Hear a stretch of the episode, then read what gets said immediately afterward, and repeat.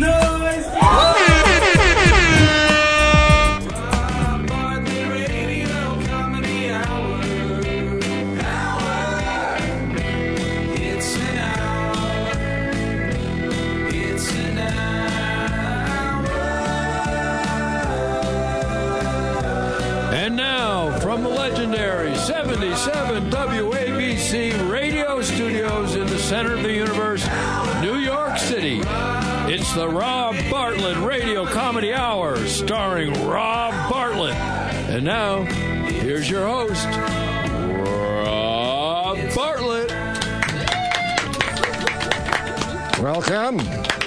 Welcome, everybody, to the Rob Bartlett Radio Comedy Hour. I am Rob Bartlett, and this is my comedy hour. It's, those of you who don't listen to us on the podcast, from now on, segment four is going to be only available on the podcast. It's going to be all outtakes and, and stuff that we can't say on broadcast radio and, and juicy stories and Cursing, That's right. And we might actually have something um, this show for segment four. I don't know. We'll see.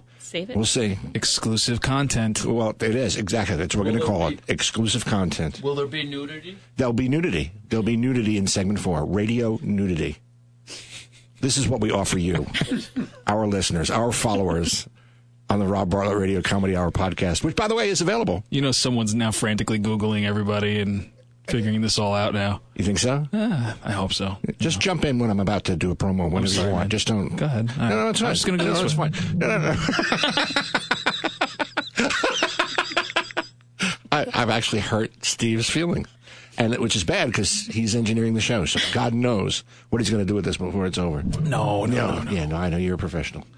But uh, well, well, by the way, we might as well introduce you, ladies and gentlemen, actor, singer, composer, uh, lyricist. Uh, what else? Dreamboat. Dreamboat. Keep going. Dreamboat, Keep yeah, This is Dreamboat. great. This is great. Steve Mecca, part of the Robio Radio Players, and also we have uh, a lovely and talented lady who uh, is starring in uh, a, a film short and is working on a second one, as far as I know, and uh, she'll be in all the all the uh, the film festivals as we are with our Dr. Mantis, which we'll talk about later on.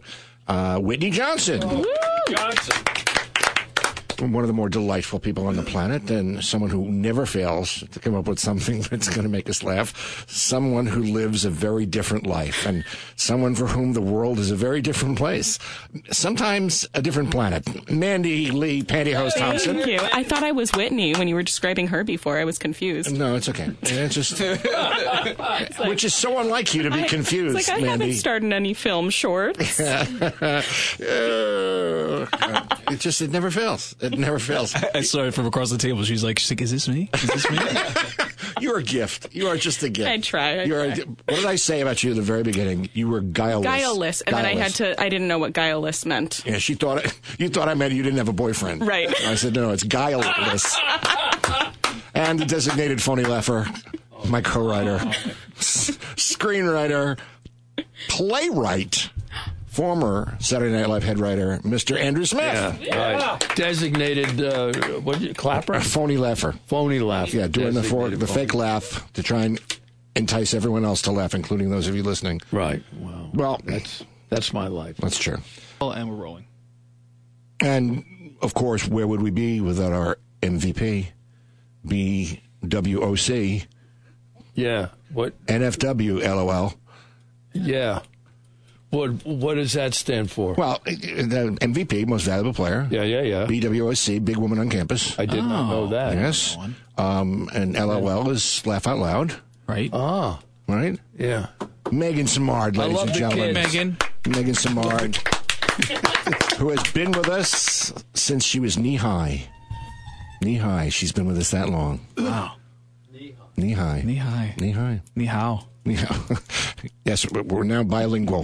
We're now a bilingual program. Isn't it supposed to be knee high to a grasshopper? Yeah, but I didn't want to say grasshopper because it was just it sounded disgusting. She would be knee high to a, a praying mantis because that's who she plays in Doctor Mantis, Insect Analyst, which is, by the way, winning laurels left and right on the independent film festival circuit. And she plays the uh, the title character, Doctor Mantis, the uh, the praying mantis analyst of the insect who happens to be me, the caterpillar who doesn't want to be a butterfly. He wants to be a stand-up comedian. So deep. It is deep. It is deep, and it's all in three and a half minutes. It's amazing. You may want to mention, Rob, yes. on at. Village Cinema. At Village Cinema, On November your- go see fourth. it that night. You can actually go see Dr. Mantis, Insect Analyst, in the New York Independent Short Film Festival At Village Cinema. at Village Cinema, which is in the Village here in New York City. but you can actually see it for yourself Wow. and watch it win another award. You watch, It will. watch everything: movies, TV, theater. I do everything. I do everything.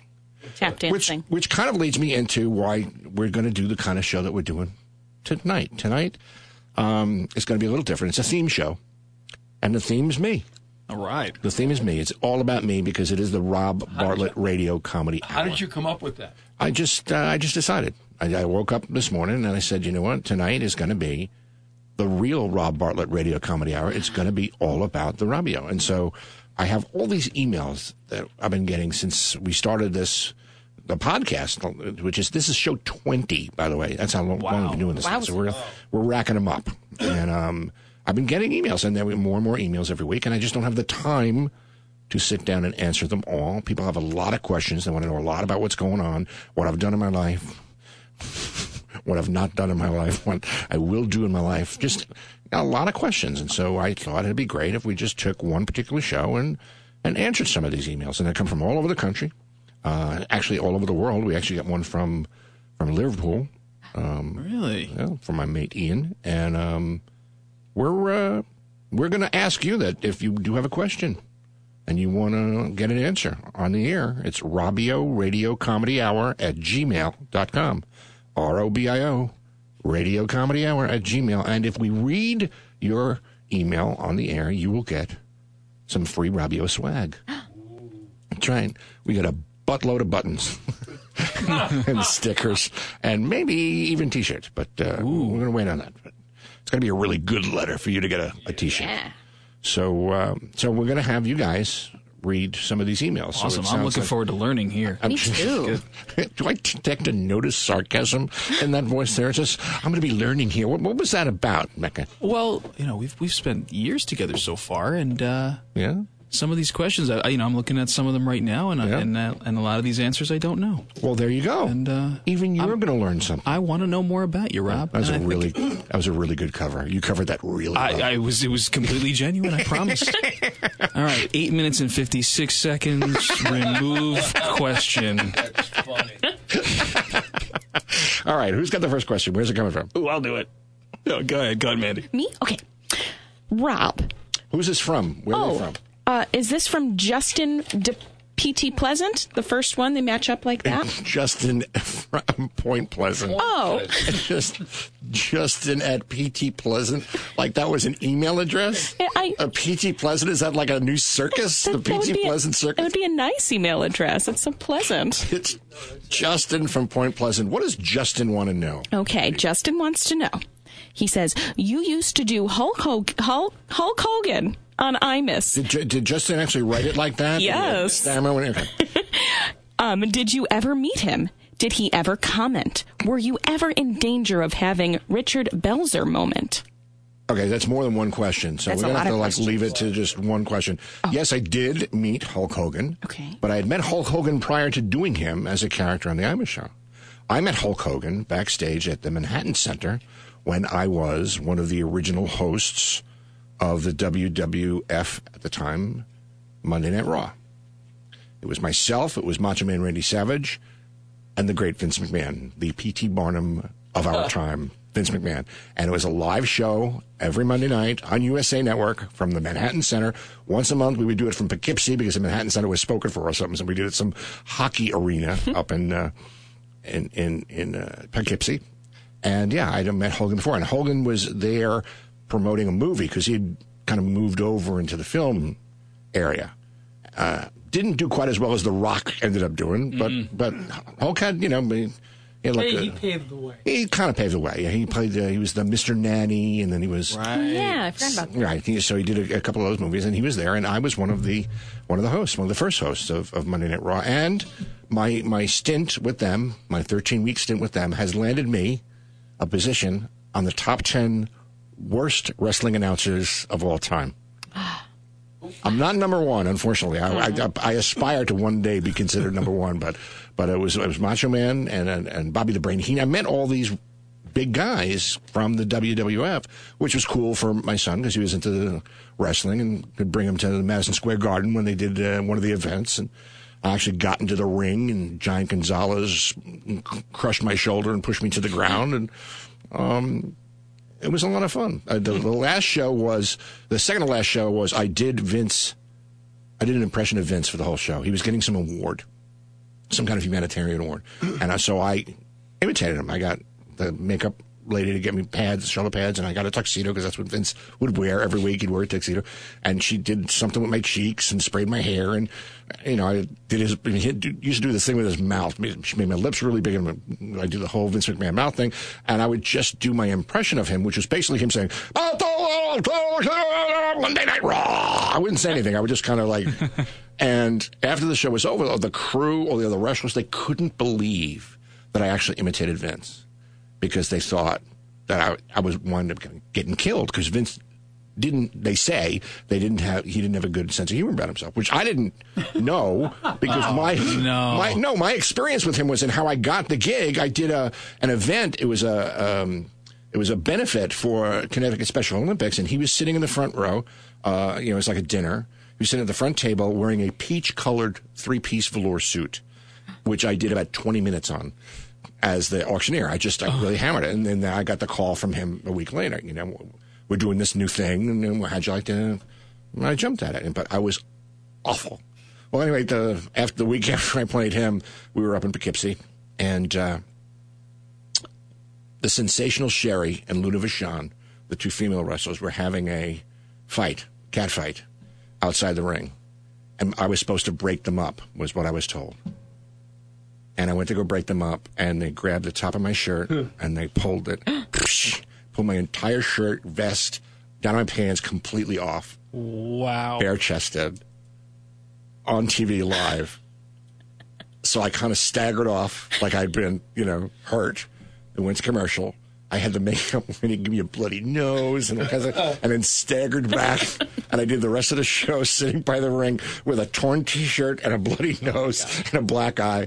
Was this after you did This the impersonation? after. Yeah, this is after I did the person. So he set you up. Yeah. Wow. Yeah, That's why he's the PT Barnum of our time. I'm telling you, Wow. he knows exactly what he's doing. So, and then I, you know, I realized that I just wasn't cut out for it, and I, uh, I left.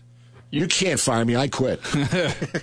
You, you mean you mean there's you mean it's fake what? the the wrestling? No, no, no, no, no, no. It's it's it's athletic entertainment. Yeah. Yes, story Right, story uh, driven. fake. story driven. Okay, We have another question. From where? Oh, um, here's a. qu- I, I, I, this is a question from uh, uh, Don um, in uh, Philadelphia, Okay.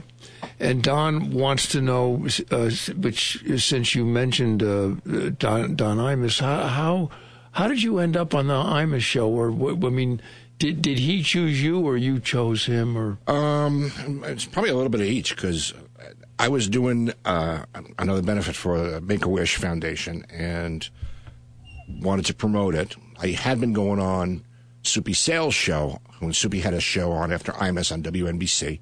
66 WNBC. and I used to open for Soupy, and I had a relationship with Soupy, but Soupy wouldn't have me on for whatever reason. I was doing a gig with uh, another comic who happened to be Imus's producer at the time, Mark Sheff. And uh, so I was talking about this benefit, and, and Mark said, Well, why don't you come on the Imus show? You know, we have comedians on on Fridays.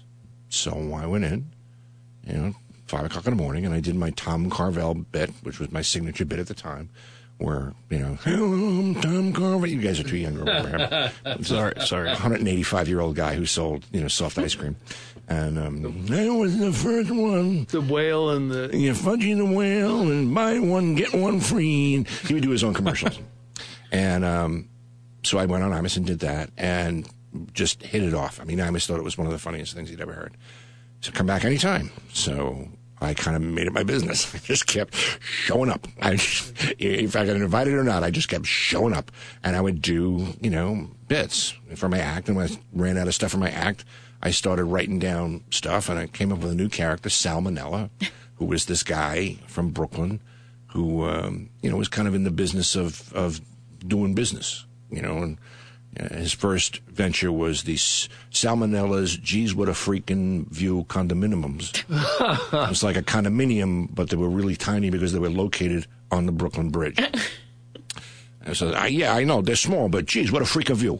So that was that was, and then the night before Christmas came out of that, and yada yada. yada. Well, when they then they started paying me bit by bit, and I would get more if they paid it, played it on Saturday on the best of Imus, and then when they moved over to WFAN, they offered me a contract, and I was with them for 31 years, and that's how I. And, and was it bliss, bliss, bliss?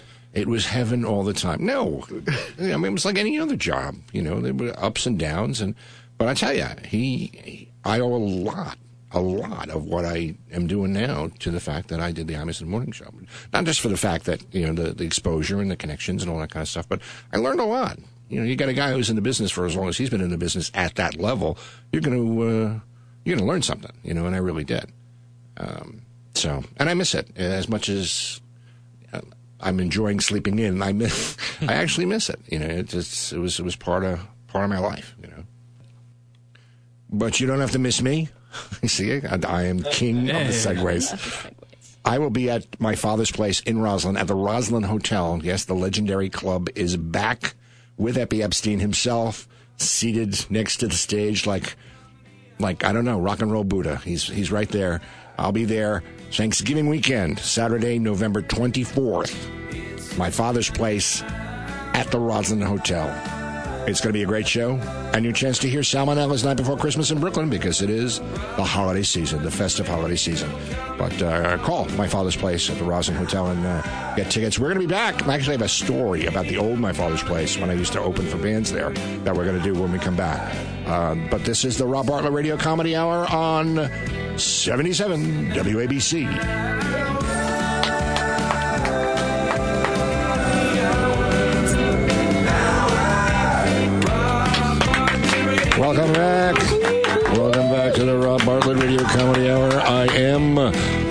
Bartlett, and this is my Radio Comedy Hour. Before the break, I was talking about uh, my next gig coming up on Thanksgiving weekend at my father's place in Roslyn. Uh, Thanksgiving weekend, Saturday, November 24th. Um, it's the new and improved, my father's place. It was a legendary rock club back in the 70s and 80s. And um, it broke, I don't know how many different artists. I mean, it broke Blondie. I mean, it just a lot of bands. You know, Billy Joel got a start there, Cyndi Lauper, Well, The Police. I mean, a lot of bands that uh, WLIR, which was the alternative radio station at the time, was that was on their playlist. I mean, they broke, and then they would go do My Father's Place. Eppy Epstein booked My Father's Place. He owned it, and he would get the greatest acts there. Uh, it was in a bowling alley on Old Northern Boulevard in Roslyn. It was converted bowling alley. And um, now they're at the Roslyn Hotel. It's like a really fancy, shishi little. It's, it's very cool, very very Yeah. very nice place. And they're getting some great acts in there. It's, but it's not a bowling alley. It's a more intimate. It's comfortable. Anyway, um, one night I was asked to open for a band called the Fabulous Poodles. It was a British punk band that had broken, and they were calling them the next Beatles. So, of course, being a Beatle fan I am, I got very excited. and so I used to have my first car was a 1973 Nova Custom, which was like a like a I don't know pale mustard, like a brown mustard color. It's a hideous looking car. and when you worked my father's place, you'd have to park underneath the big uh, viaduct, which is where Northern Boulevard, the real Northern Boulevard, is. And there were about a, a billion pigeons that lived underneath this viaduct where you would park. So I go in to my father's place. It's packed. I mean, it's jammed. It's a huge deal. WLIR was going to be covering it. I was opening for the next Beatles. I couldn't be more excited. Um, I go backstage, and there's this guy walking back and forth, British guy. They were a British band. He says, uh, "Who are you?" I said, uh, "I'm the comedian. I'm going to be opening for the band." And I goes, "Oh yeah, right, all right. Um, well, we're coming in uh, about ten minutes." So uh, ten minutes go by, and they introduce, "Ladies and gentlemen, uh, welcome to my father's place." Ah, crowd goes crazy. Uh, before we bring out the fabulous poodles, please welcome the comedy stylings of Rob Bartlett. And I pull back the curtain. I step out on the stage. Boo, boo. They just Oh, went crazy. There was like four, five hundred people just booing, boo, boo. And I'm not, I'm not letting it bother me. You know, I'm, and I'm decked. I got my my sport jacket and then the sleeves are rolled up to the elbows. I'm wearing my white uh, Capezio shoes. I mean, I'm, I'm I am styling. I, I just walk out and I grab the microphone and a beer bottle whizzes past my head and misses my head by about a half an inch.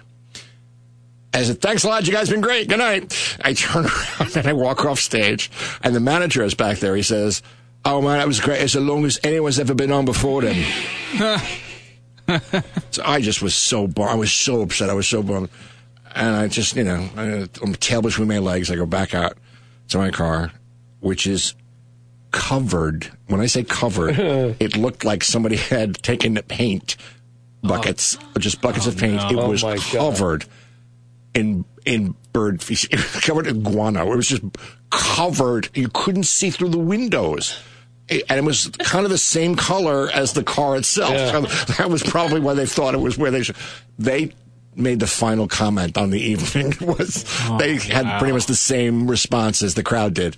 I, I literally had to go back into the club to get water to, to ah. get enough off the windshield so I could drive home.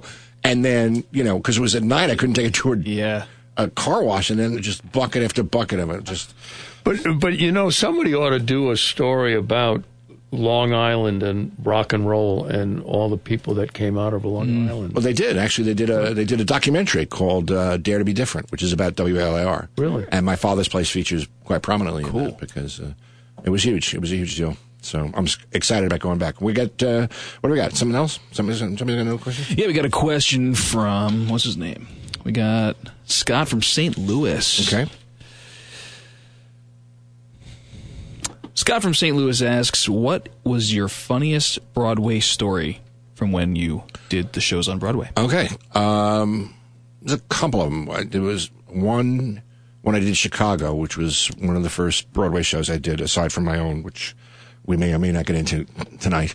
Um, I was in Chicago playing Amos, and it was, I think, the last night that Billy Zane was playing Billy Flynn. Billy Zane from from Titanic, uh, great guy and Charlotte d'Amboise was playing Roxie in the in the courtroom scene in the second act. It's a big deal where they're recreating the murder of Fred Casely, and it's a you know it's a comedic thing. It's a, a great piece, and they're portraying Amos, who is Roxie's husband, who is me, Mr. Cellophane, as like this brutal guy who beat his wife, and so I would have to look different to be this caricature of who they're saying he was, even though he wasn't like that. So. I would mess my hair and, and you know untuck my shirt and each night that went by I would do it a little bit more just because you know you do a show for a long time you decide to just shake things up a little bit well literally I I had my hair sticking straight up my my shirt was completely untucked and my pants were around my ankles and I had red heart underwear on underneath and they were doing their part of the scene and they turned around and they saw me. Charlotte saw me first and started to laugh and could not speak, could not do her line. and then Billy saw it, and then he couldn't do it. Now, this is an important part of the show. There, it's a lot of exposition, so they they have to tell the story here, and nobody's saying anything. They're just dying laughing. It's like you know when they break up on Saturday Night Live and they make each other laugh. One of the chorus members standing in the back in the ensemble said, "Well, what he's trying to say is." and what she says back is so it's a wonder I didn't get fired that night. But uh, That's fun. and then one of the last shows we did at How to Succeed in Business. Uh, the second half of the show, I played a different character. I played like the head of the company, and my idea was to make him, you know, look different than the original guy. Was the mailroom guy and character in the first half. And So I got them to to give me a little toupee, a black toupee, which against my gray hair looked really stupid because my idea was he made it. He was he started as a window washer, and the first money he made, he got himself a toupee, and they would have to clip it on, and they would have to glue it in the front so that it would stay on. Well, there was a fill-in hair person this one night, and um, the closing number, the big eleven o'clock number, is Brotherhood of Man, which is if you go on YouTube and you, you see it, we did it in, in uh, Thanksgiving Day Parade. We did it on Letterman. We did it at the Tonys. It's a really vigorous athletic number. I mean, the fact that I actually even did it, you know, and didn't need oxygen when I got off stage is amazing. well, at one point there's a turn, and I turned and I saw out of the corner of my eye the hairpiece flying uh-huh. off my head over the guy next to me, the dancer next to me, Nick Mayo, who caught it, one handed it with his left hand, turned around, we both turned around part of the car, and he slapped it back on top of my head, and we acted like no one had ever saw it. That's I funny. love that.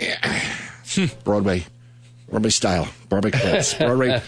That's precision. That's, That's craft. You got another one? We- Yeah, yeah. Uh, Denise from uh, Flatbush Uh-huh. wants to know who, who were the Magnificent Seven? Oh. Why is that? Uh, uh, Magnificent Seven. Uh, I started out at Dixon's, Richard M. Dixon's White House Inn, which was a, a, a small showcase club that was owned by Richard M. Dixon, the guy who looked like Richard Nixon, and made a huge career out of being a Nixon lookalike until Watergate, and then his career ended. so he opened up this showcase club. It was the, you know, mid to late 70s, and showcase clubs were like the improv and Catch a Rising Star were popping up everywhere. And this was on Long Island, and we would go there on Wednesday nights, so open mic, and that's how I first got my first stage time, and and then keep going and keep going. Eventually, there were seven of us who wound up being the core comics who continued to work there, and it was myself, uh, a guy by the name of Bob Nelson, uh, Richie Minervini, a guy who would uh, go on to open up the East Side Comedy Club in Huntington, uh, Bob Woods, the late great Bob Woods, who was a great impressionist. Dave Hawthorne, who used to be in a, uh, a trio with Billy Crystal, uh, Jim Myers, Jackie the Joke Man, oh my God! and Eddie Murphy. We were the seven. We were the Magnificent Seven, and that was how we started. And that's how I got to meet Eddie.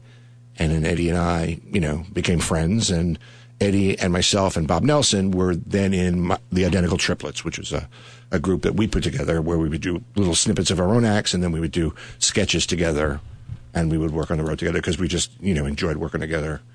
We one night we we decided we weren't going to work that. We are going to take a night off. And we were either going to go to the movies or go bowling or something, but we wound up back at the club. But we did an improv that night. We did an improv. Eddie had this coat. It was like this fur coat, which made him look like, you know, a hunter. and, and, and Bob used to wear a cowboy hat and he looked like a hunter. And I, I was the walrus. and we just did this improv. And I, I used drumsticks for my tusks and, and, and Eddie and Bob and I, we did about a 15 minute improv, which, you know, I remember it being great, but that's where we got the idea of being the identical triplets. So, and then, uh, and then Eddie and I had many more adventures, some of which you may hear in a segment four, which is only available on the podcast. Are they X-rated? No, no, but there's some really funny stories. Um, we uh, we like to welcome a new sponsor. I'm going to break for uh, just a moment here. One of my uh, one of my idols, uh, you know, show business idols, and usually I, I hate when celebrities take advantage of their notoriety to sell stuff. Like, you know, Rachael Ray uh, sold dog food called Terriff which makes this stuff look better than the, the stuff that she cooks for humans. Dennis Quaid sells insurance just because he's Dennis Quaid. Uh, you know, and Joan Lunden, you know, uh, a place for mom, which we've parodied here on this program. Um, I heard a commercial uh, that just made me so excited that I, I decided that we had to get him to be on our show. So here it is. It's please welcome Christopher Walken. Hi, I'm Christopher Walken. You probably know me from all my appearances in movies and stage. Yes, famous in sort of a weird, strange, offbeat way. All right, that's okay. I can handle that, but today I'm here in a different capacity altogether. I would like to introduce you to a new product that's actually got my name on it. I invented it, yes, that's right. Introducing the new Christopher Walken walk-in closet. It's a walk-in closet that turns any home into a showplace, and it's named after me, Christopher Walken. I bought two walk-in walk-in closets, and now my stupid little split-level splanch track home feels like a mansion. I love my walk-in walk-ins. I have walk-in closets now. Yes, happy customer. Um, she bought a walk-in closet, a walk-in walk-in closet. Now she's happy. Interesting, isn't it? I mean, the closet. Women, I've noticed women love closets. They can never get enough closets. Women, no matter where they live, it's always about the closets. The Christopher Walken walk-in closet takes care of all that. I might say, if I had a mind to, of course, you could have closets up to yin yang if you wanted to. That is, the walk-in walk-in. Yes, walk-in walk-in closets. They solve everything. I think. I'm a contractor. When I do a renovation, the first thing they ask me is, hey, what about the closets? Are there going to be enough closets? What is it with the closets? Personally, I don't get it. The closet thing, but but the walk-in walk-in closet that does the trick. I use them on all my jobs, no problem. A Christopher Walken walk-in closet is a home run in my book. If you like walk-in closets, that is. Yes, you, too, can have a walk-in closet in your very own home. Right now. Maybe off the bedroom for your clothes. Get dressed. Inside. The closet. Of course, why not? The walk-in walk-in closet fits anywhere. Of course. Why not? It's it's a closet.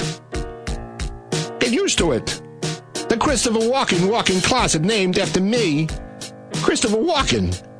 I mean, walking, there's a difference, you know. Of course, I'm Christopher Walken, and I invented a walk-in closet, yes, but please don't confuse the two. Christopher Walken walk-in closets. Buy one today. Why not? What have you got to lose? But clutter. Lots of, lots of dirty, stinking, disgusting clutter. It's crazy. Well, I'm going to buy one now. I don't know about you guys. Ooh, I really want That's that's that's that's high dollar stuff right there. Yeah. That's right.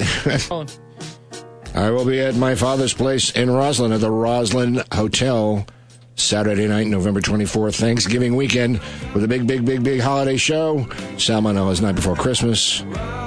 It's going to be great. Call the My Father's Place at the Roslyn Hotel for tickets. We'll be back with segment three after this brief message. Stay with us. A lot of great questions coming up here on the Rob Bartlett Radio Comedy Hour on 77 WABC.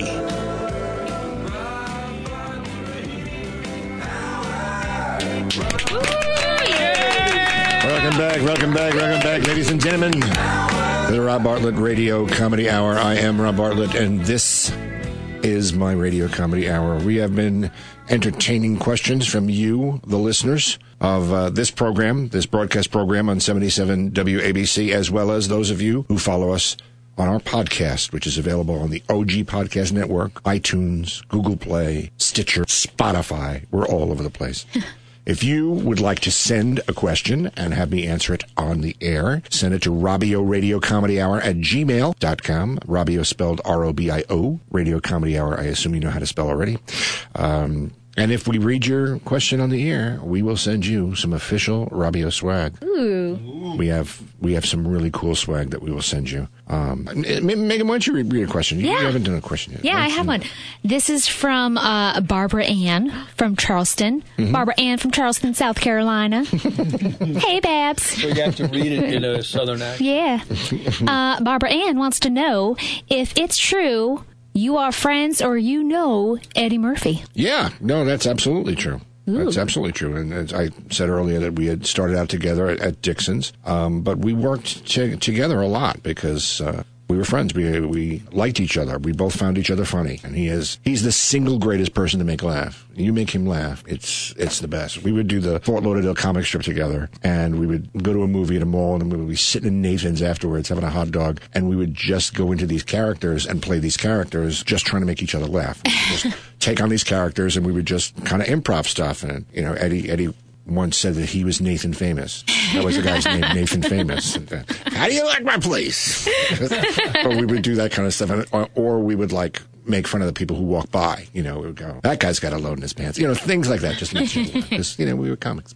um, but I actually am responsible for Eddie um, being the star of the Is Today. What? Really? Well, I'll put it to you this way. Eddie was destined to be a star. The first time I saw him get up on stage at Dixon's, it was obvious this guy was kind of, he was 17 years old and he was already Elvis. I mean, it was unbelievable. he just had that thing, whatever that thing Right. is. Um, and I knew that he was going to be huge. And, um, so we, you know, we worked a lot together and we were going to do the Fort Lauderdale comic strip together. It was his first time. And, uh, you know, I was going back for the third or fourth time. So I was kind of acting like I was the cool guy.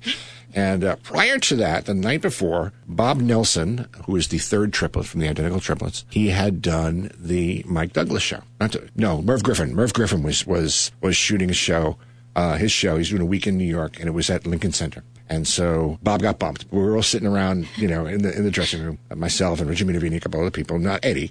And uh, Bob's agent comes in with the bad news. You know, uh, you know, there's not going to be enough time. We'll bring you back, whatever. And the agent said, you know, do you know anybody? Do you know any any, any black comics? Any any you know mm-hmm. African American comic? Because Saturday Night Live needs one, and in a hurry, because the guy they had cast, Charlie Barnett, apparently, uh, unbeknownst to them, who was a brilliant comic, street guy, used to work at Greenwich Village and, I mean, Washington Square Park. Uh-huh. Unbelievable, unbelievably talented guy. He couldn't read. He was illiterate. Oh. And they only discovered that after they had hired him. Wow. So Bob turned to me and he said, Don't you dare tell Eddie. Don't you dare tell Eddie. so we were sitting on the plane waiting to go down, and I just I said, You know what? That's- Why, why not? You know, you know, Eddie, they're looking for uh, a black guy for Saturday Night Live.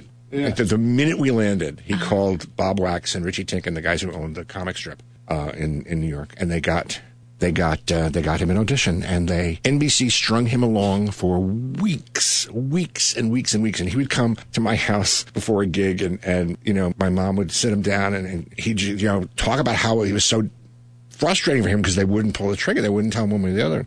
You know, my mother was always. like, If it's meant to be, it's meant to be. Don't worry. If it's meant to be, it's meant to be.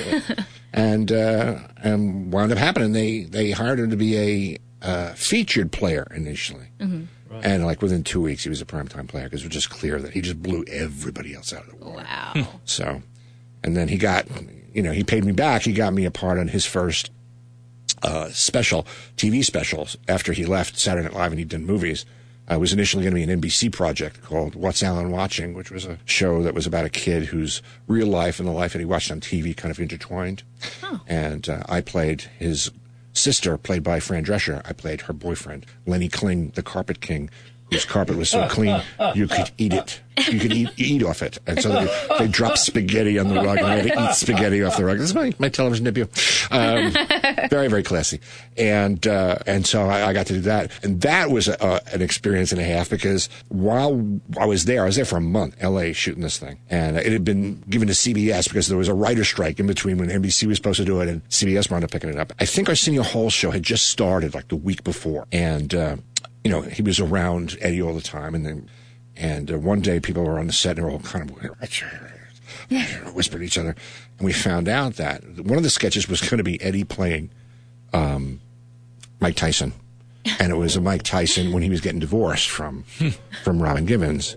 And I guess they were friends. And, and Mike went to Eddie and said, I really appreciate if you don't do that. I, I really, I really wish you wouldn't do that for me. And Eddie says, Of course I won't do it. So Right. And so uh, he said Eddie would not come on set until they they guaranteed him that they weren't going to have to do that set. Oh, wow. And they wrote they wrote another sketch, which actually I think was ten times funnier because James Brown had just been sent to jail, and they did this whole sketch of, of Eddie as James Brown doing.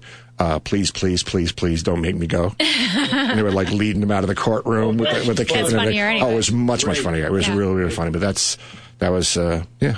Yeah, so yeah, I do. I know Eddie Murphy. I've worked with Eddie Murphy. We're friends. he didn't come to my wedding, though. He, he was oh. supposed to come to my wedding, but he didn't come to my wedding. Hmm. He forgot, he said. It's busy. Yeah, he's real Do you- busy. do you- will- will you be invited to the wedding? W- Will I be invited to which wedding? E- To Eddie's wedding. Is he getting married again? yeah. He's Well, he's got something like 17 kids now, doesn't he? doesn't he? He's he's got a lot. He's got a lot of kids. got 10 kids. Uh, 10 kids or something like that. Wow. Well, I'll put it to you this way. Eddie had no problem with the ladies, even when he was 17 years old, because, you know, he was Elvis. He was comedy Elvis. I actually walked in on him once. I used to pick him up at his uh, for gigs at his house in in Roosevelt, and uh, one night uh, I go to pick him up, and his mom Lillian says he's he's in the basement. He said she says just just kind of like go down really quietly so you can see. And I hear Elvis, one of the live Elvis, live at Vegas or whatever, one of the live Elvis shows, and Eddie's in the basement, and the song is playing, and he is literally miming Elvis. With his back to the door, it's like he didn't know I was there, and he was doing the whole thing, like move by move, and lip singing the whole thing and whatnot. And then he turned around and saw me, and it was like, I'm going to use this one day. and that's what I've just done right now. I've used it against him. I've told it. We are going to welcome another sponsor here to the Rob Bartlett Radio Comedy Hour. Um, you know, fall is really upon us. There's a nip in the air, and the great debate of all time: Slanket versus Snuggie. It's an actual controversy. Apparently, there's a debate. The FTC busted Snuggie for false advertising, and they now have to pay their customers more than $7.2 million in refunds for their misleading commercials. And That's uh, right. They they they because they said buy one get one free, but then the the shipping was more than the More than the blank. the, the, the snuggie. Yeah. See? That's your direct market, ladies and gentlemen. Right there, your direct marketing, right there. That's that's the key. Well, we have um, the only honest sleeved blanket commercial in the world, and uh, we would like to welcome them. Hi. Want to be warm and toasty this winter? Want to sit around and talk with loved ones or just watch television in real warmth and comfort? Then you don't want a Snuggie or a Slanket. You just can't trust them to do the job that a real blanket can do. You want something that spells disaster as you know it.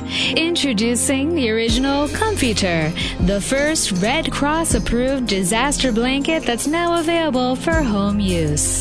I always wondered what it would be like to be the victim of a natural disaster and have to stand around in a blanket in the cold. Well, now with the new Comforter, I can do all of that in the comfort of my own home. Comforter is a blanket with no sleeves, so you can get that real disaster feeling without having to suddenly be homeless. Comforter is the original disaster blanket made from the U.S. government grade surplus wool that's guaranteed to be scratchy, itchy, and god awful ugly, so you can get your disaster victim feeling on those long, dark winter nights ahead. I tried a slanket, and then I bought a snuggie, but they're just blankets with sleeves in them. Who needs that?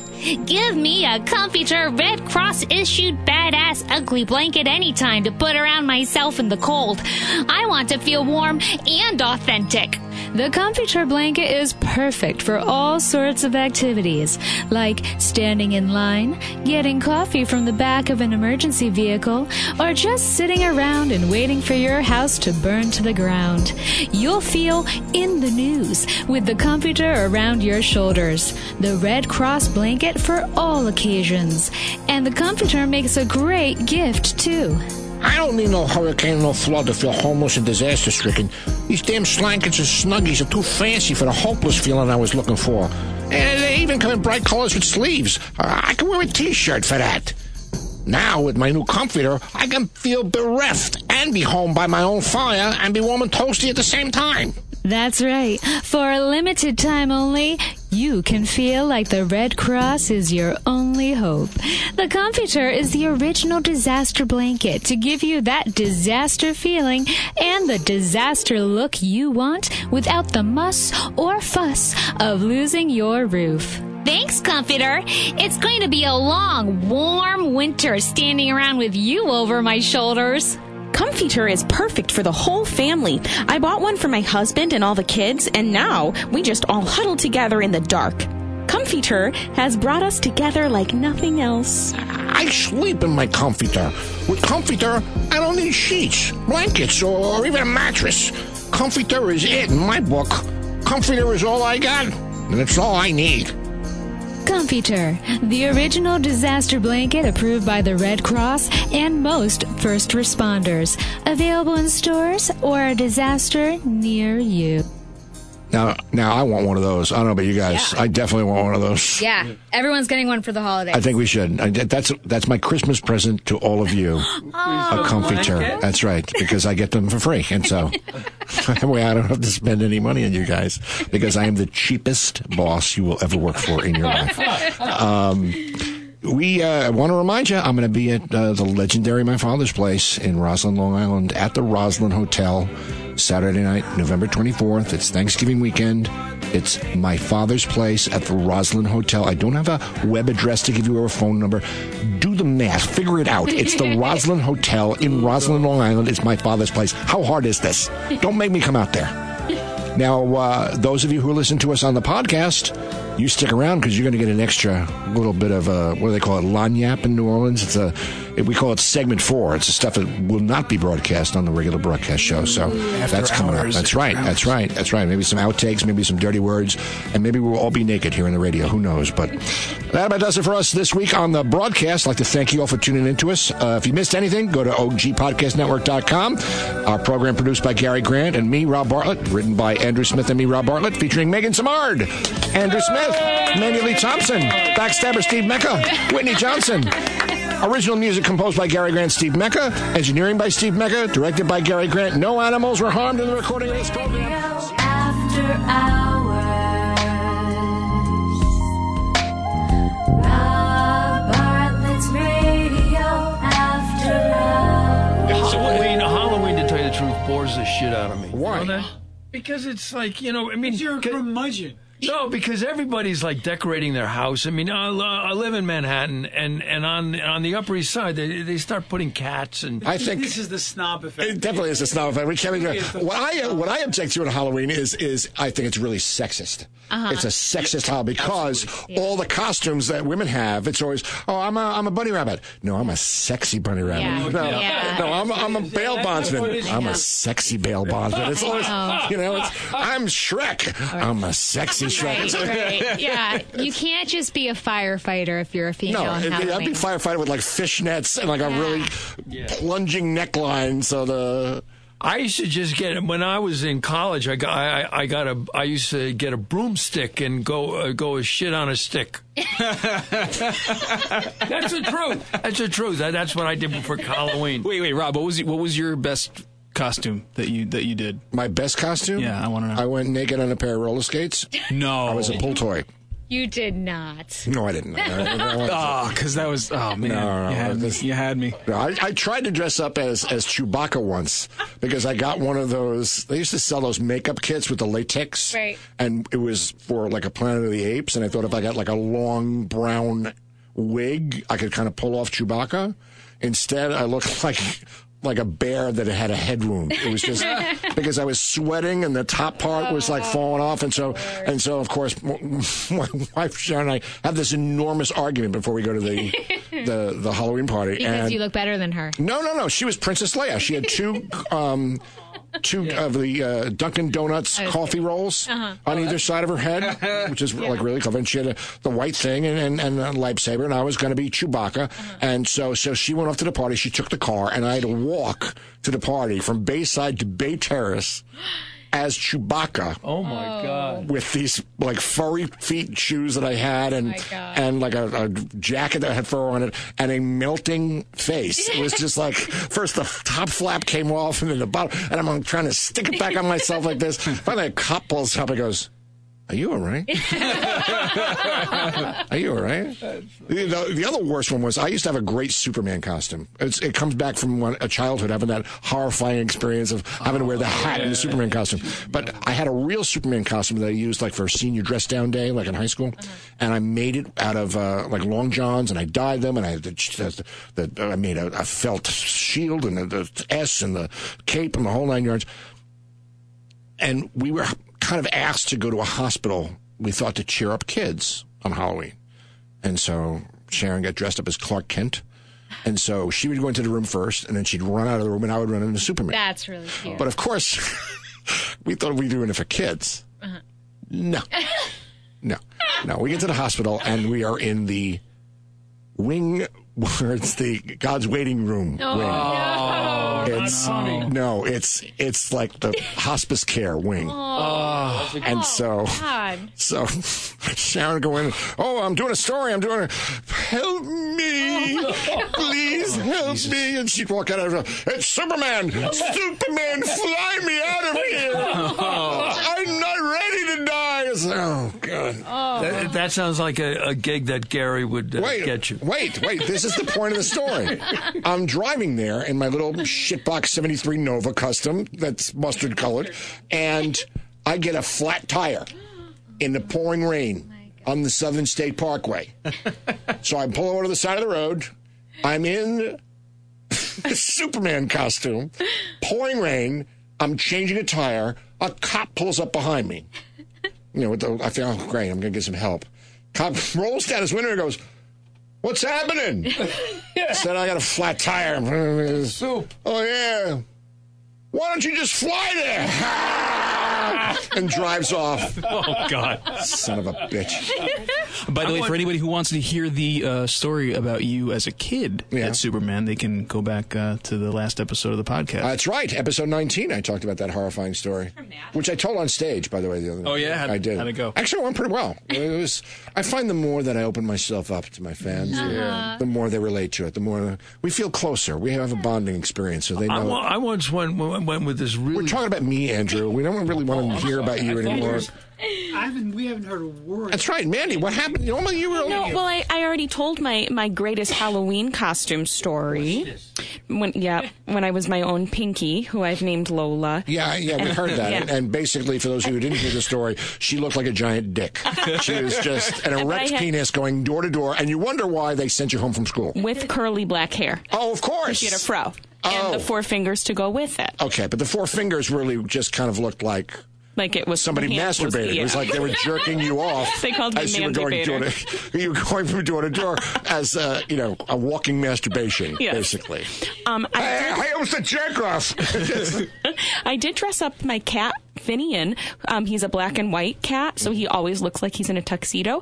And I make him Tommy Tune every single uh, Halloween. I make I have a little felt top hat for him. There are a thousand people that you could make him be if he looks like he's in a tuxedo, and you choose Tommy Tune. Yeah, What is he, a tall cat? he he is tall. He's just he he loves Broadway. He loves Liza Minnelli. Oh my gosh, he loves Liza. I should have him meet you, Rob. You are. You are just a, a movable feast. You just, you're just an endless series of amazing stories. Thank you. Mm-hmm. what about Megan's costume? Favorite costume, maybe? I don't know. Favorite costume? I don't know. I've funny story, maybe. n- I've never been good at Halloween, ever. Put an Did you do Halloween? Yeah. I'll edit that. I went as my alter ego this year, so I was just like super dark and goth because I didn't really think about it, and so I. But I own a lot of black clothing, so that was pretty easy. But I think like I think when I when I was a kid, my I wanted to. I told my mom that I wanted to be a gypsy one year, which I think now isn't even PC. But um, but you know, it was a couple of decades ago. But I, so she went all out and she really put together this awesome, like, gypsy costume with like the scarves and the jewelry. And she was like, she had me pose to like read my dad's palm. And I did everything like very, you know, because she told me to do it and she was taking pictures. But the entire time I meant Egyptian. And I, and I saw, and I saw myself in the mirror after all of this, and I was like, "That's not what I wanted." I had. You And thought you were going to be Cleopatra. I thought I was going to be Cleopatra, and she was having, and I had no idea until after all of it. But I went with it because she worked so hard on it. I didn't tell her. No, I didn't tell her. No. it- and that's why you are a performer. That's why you're an actress because your mother fucked you up the way every parent does to their kid when they're trying to be, in, you know, trying to be a real kid, and that's why we end up going into show business Right. because we've led such awful childhoods. I wear my neck. I was actually that that brings me to my favorite costume. I was in third grade, and my mom woke. I had to be at school at about eight o'clock ish. My mom woke me up at a quarter to five, so she could place every little bit of fake hair on my face, so that I could be the most convincing werewolf that town had ever seen. But that's beautiful. Oh, it That's- was, no, that's- it's looking back on it, it's sweet. But I woke up and I'm like, Jesus, come come on, mom. But it, no, she did a great job. But yeah, yeah, yeah. I used to go with this girl who uh, who dressed up one Halloween as a urinal. You know, she was Oh a my urinal. You know, and I remember getting. And I go, Oh, you know, it's just why does it always go there with you? It always goes Why? there I'm with you. It's It you is- the truth. You know, uh, that's it. We're gonna, uh, I that's your passing out in her costume. Thank you. as normal as you would normally. But, you know, Well, drunk. Aren't you people lucky who listen to the podcast to get this segment four exclusive to the podcast? We hope you enjoyed it. And don't forget, you want to send us an email, Robio Radio Comedy Hour at gmail.com. And if we read your email on the air, you will get some official Robio swag, Radio Hour swag. And we got two or three things. Um, that's it. We'll see you next time. Check us out on WABC 77. And, uh, See you later. And uh, yeah, yeah, now get the fuck out. Bye. Bye. Bye.